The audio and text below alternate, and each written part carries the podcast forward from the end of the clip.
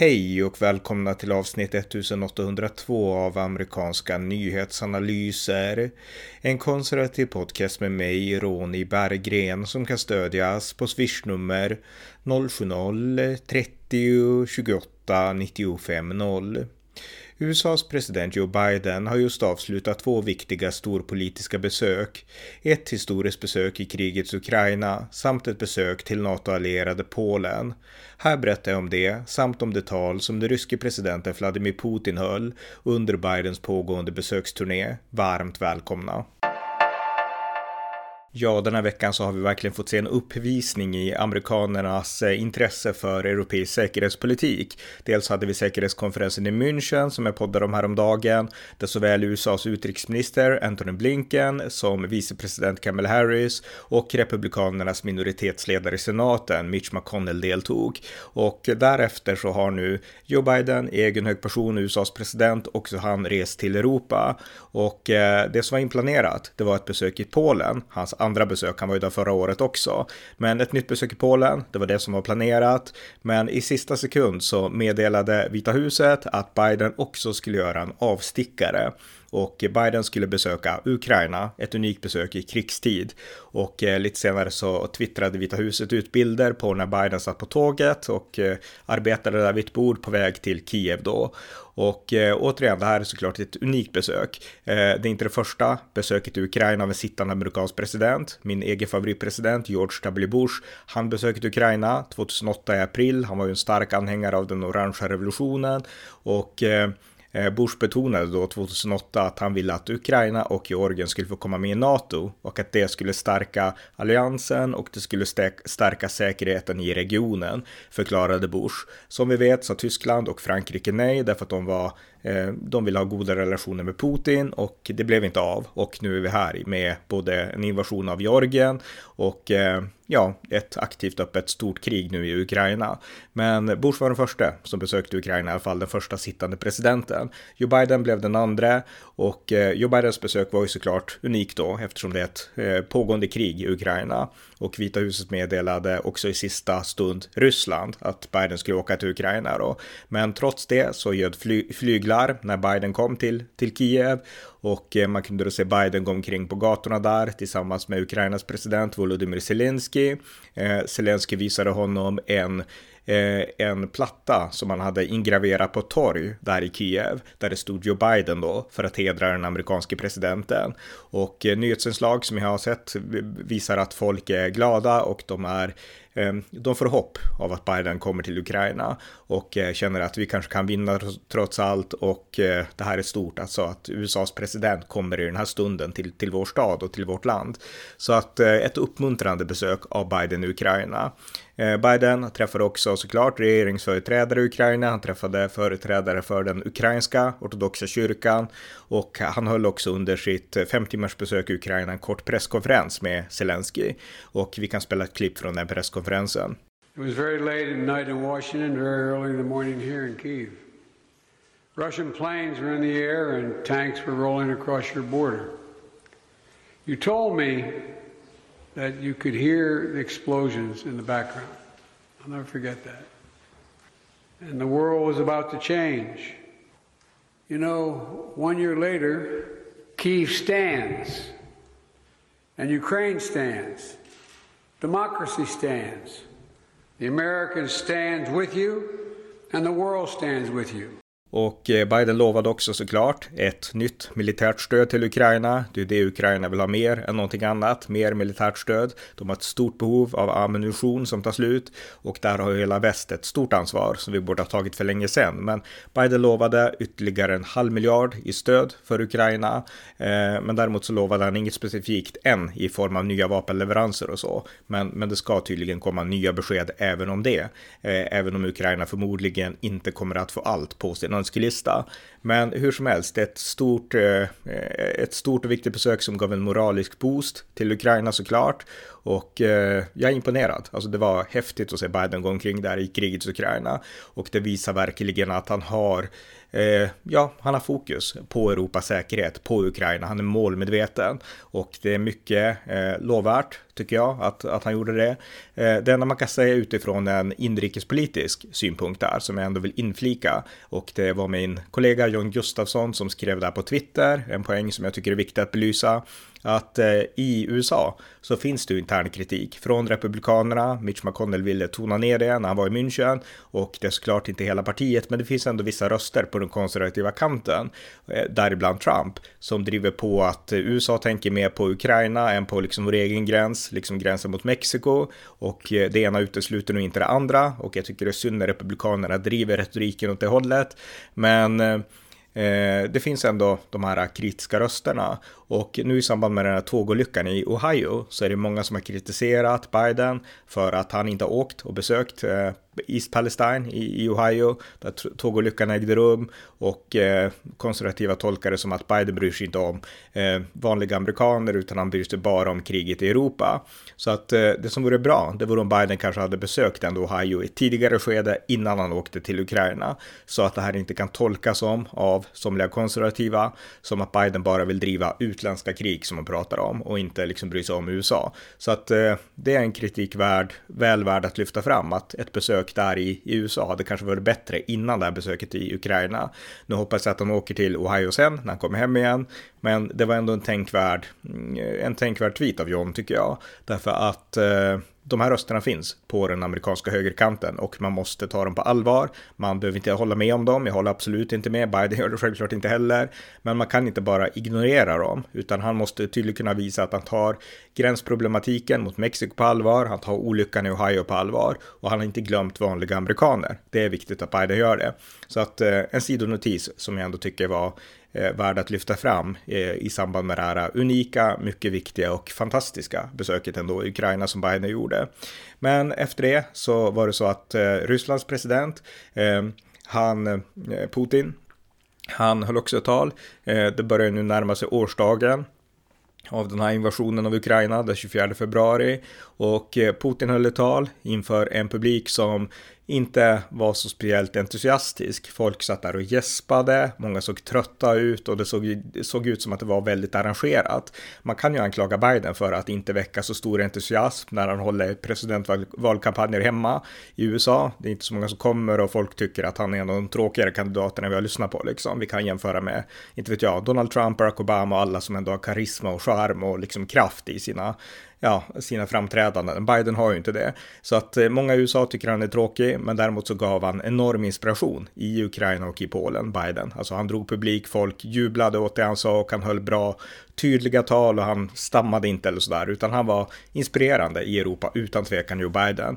Eh, Vladimir Putin var inte inspirerande, utan det var ett tråkigt tal där han upprepade saker som han alltid har sagt. Han, har, han förklarade återigen det som de pratade om för ungefär ett år sedan då, att Ukraina består av nazister, Ukraina förtrycker den ryska befolkningen och eh, det här som händer nu, det är Europas fel, det är västs fel, det är USAs fel och NATO har provocerat Ryssland och nu vill man göra Ukraina till Eh, till platsen för ett nytt storkrig och så vidare. Så Putin försökte lägga skulden på väst och eh, han förklarade också att eh, Ryssland nu kommer att dra sig ur startavtalet, det här senaste och sista kärnvapenavtalet mellan USA och Ryssland. Och det här var ett avtal som ingicks 2010 som handlar om att inspektörer från båda länder ska kunna inspektera varandras kärnvapennationaler för att se att inget land rustar och så att det inte ska bli en ny kapprustning som det var var mellan Ryssland och USA under kalla kriget. Eh, nu lämnar Ryssland det här avtalet och eh, när det kommer till kärnvapen så är det någonting som Putin och även hans administration, Lavrov och de andra har upprepat, pratat om för att skrämmas i ett års tid och eh, många befarar ju att det här kanske kan bli en ny kapprustning. Men däremot så är det inte många som är jätterädda längre därför att Putin har liksom pratat om det här i ett års tid och för ett år sedan då kanske man kunde känna sig skrämd att oj, ska det bli ett nytt kärnvapen kärnvapenkrig. Men det är ingenting som tyder på att Ryssland ändå mobiliserar sina kärnvapen och USA verkar vid det här laget ha samlat sig nyktert och meddelat Ryssland vad som kommer att hända om de använder eh, taktiska kärnvapen och strategiska storskaliga kärnvapen. Det är förmodligen uteslutet för det skulle innebära en, ja, en tillintetgörelse av Ryssland också.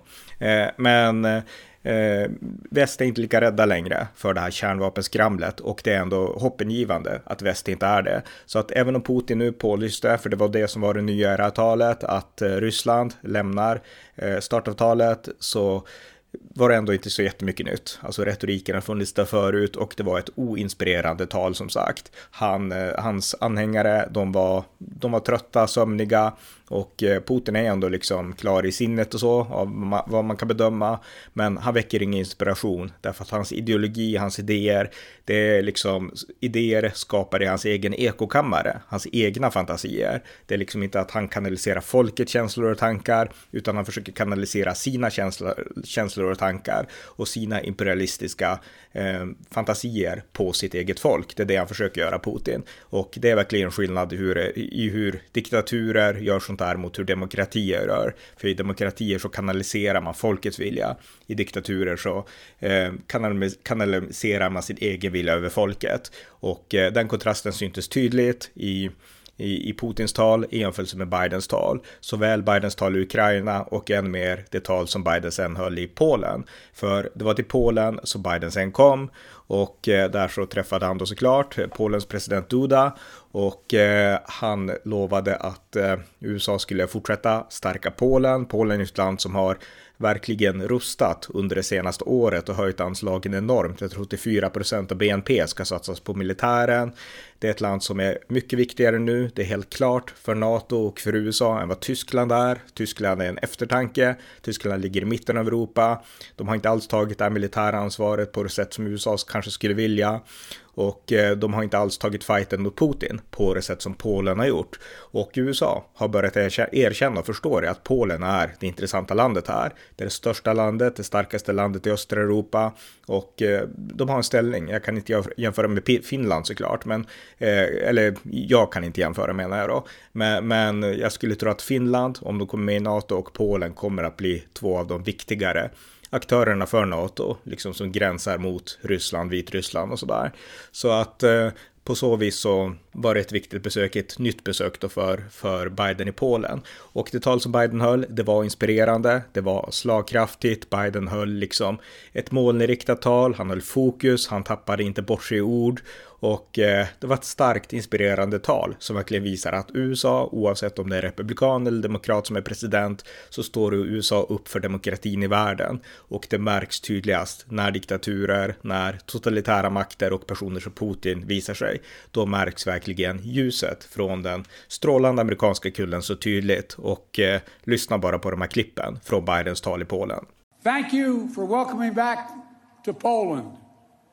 You know, it was nearly one year ago. Nearly one year ago, I spoke at the Royal Castle here in Warsaw, just weeks after Vladimir Putin had unleashed his murderous assault on Ukraine, the largest land war in Europe since World War II had begun. And the principles that have been the cornerstone of peace, prosperity, and stability on this planet for more than 75 years were at risk of being shattered. One year ago, the world was bracing for the fall of Kiev. Well, I just come from a visit to Kiev, and I can report Kiev stands strong. Kiev stands proud. It stands tall. And most important, it stands free. When Russia invaded, it wasn't just Ukraine being tested, the whole world faced a test for the ages. Europe was being tested. America was being tested. NATO was being tested. All democracies are being tested. And the questions we faced were as simple as they were profound. Would we respond? Or would we look the other way? Would we be strong? Or would we be weak? Would, be, we, would, would we, the, all of our allies, would be united or divided? One year later, we know the answer. We did respond. We would be strong. We would be united. And the world would not look the other way. we also face fundamental questions about the commitment to the most basic of principles. Would we stand up for the sovereignty of nations? Would we stand up for the right of people to live free, from naked aggression? Would we stand up for democracy? One year later, we know the answers. Yes, we would stand up for sovereignty, and we did. Yes, we would stand up for the right of people to live free from aggression, and we did. And we would stand up for democracy, and we did. And yesterday, I had the honor to stand with President Zelensky in Kiev to declare that we will keep standing up for these same things, no matter what.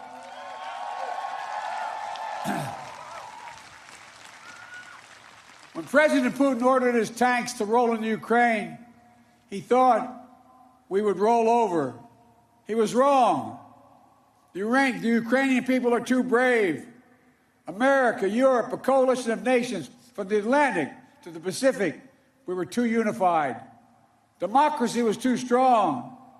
Instead of an easy victory he perceived and predicted, Putin left with burnout tanks and Russia's forces in, delay, in, dis, in disarray. He thought he'd get the Finlandization of NATO. Instead, he got the NATOization of Finland and Sweden. He thought NATO would fracture and divide. Instead, NATO is more united and more unified than ever, than ever before. He thought he could weaponize energy to crack your resolve, Europe's resolve.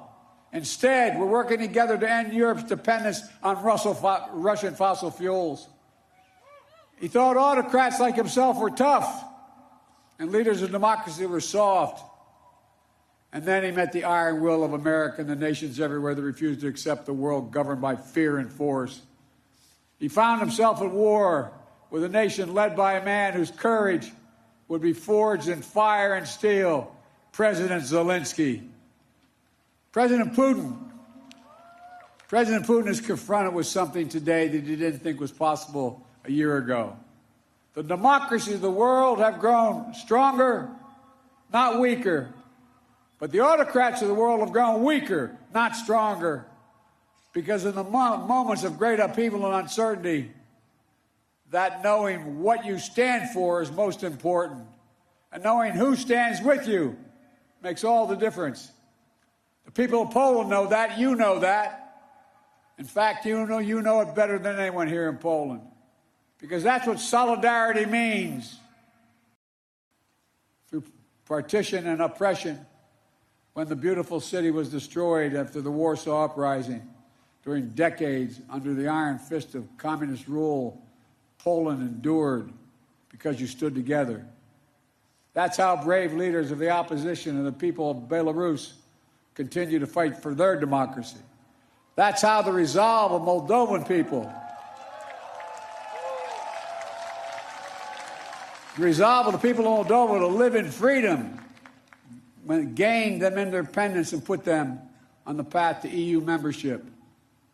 President Sandu is here today. I'm not sure she is, but I'm proud to stand with you and the freedom loving people of Moldova. Give her a round of applause. One year, into, one year into this war, Putin no longer doubts the strength of our coalition, but he still doubts our conviction he doubts our staying power. He doubts our continued support for Ukraine. He doubts whether NATO can remain unified. But there should be no doubt. Our support for Ukraine will not waver. NATO will not be divided, and we will not tire.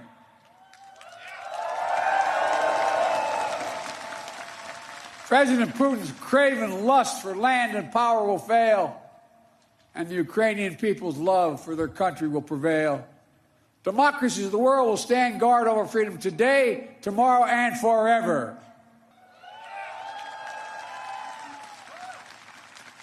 So that's, what that's what's at stake here freedom. That's the message I carried to Kiev yesterday, directly to the people of Ukraine. When President Zelensky said he came to the United States in December, quote, he said, This struggle will define the world and what our children and grandchildren, how they live, and then their children and grandchildren. He wasn't only speaking about the children and grandchildren of Ukraine, he was speaking about all of our children and grandchildren, yours and mine. We're seeing again today what the people of Poland and the people across Europe saw for decades. Appetites of the autocrat cannot be appeased, they must be opposed. Autocrats only understand one word no, no, no. Så det var alltså ett mycket väl framfört tal av Joe Biden i Polen och eh, han hintade ju där lite grann också om en andra presidentkampanj för att han sa ju att the, de the decisions we make over the next five years or so are going to determine eh, and shape our lives for decades to come, sa, sa Biden. Så att eh, jag tycker att där kunde man ändå hitta en slags underton där Biden ändå förklarar att jag kommer att kampanja igen därför att de nästa fem åren är så otroligt viktiga. Så att eh, det var också lite intressant då med tanke på alltså att Biden ändå förväntas pålysa en ny presidentkandidatur.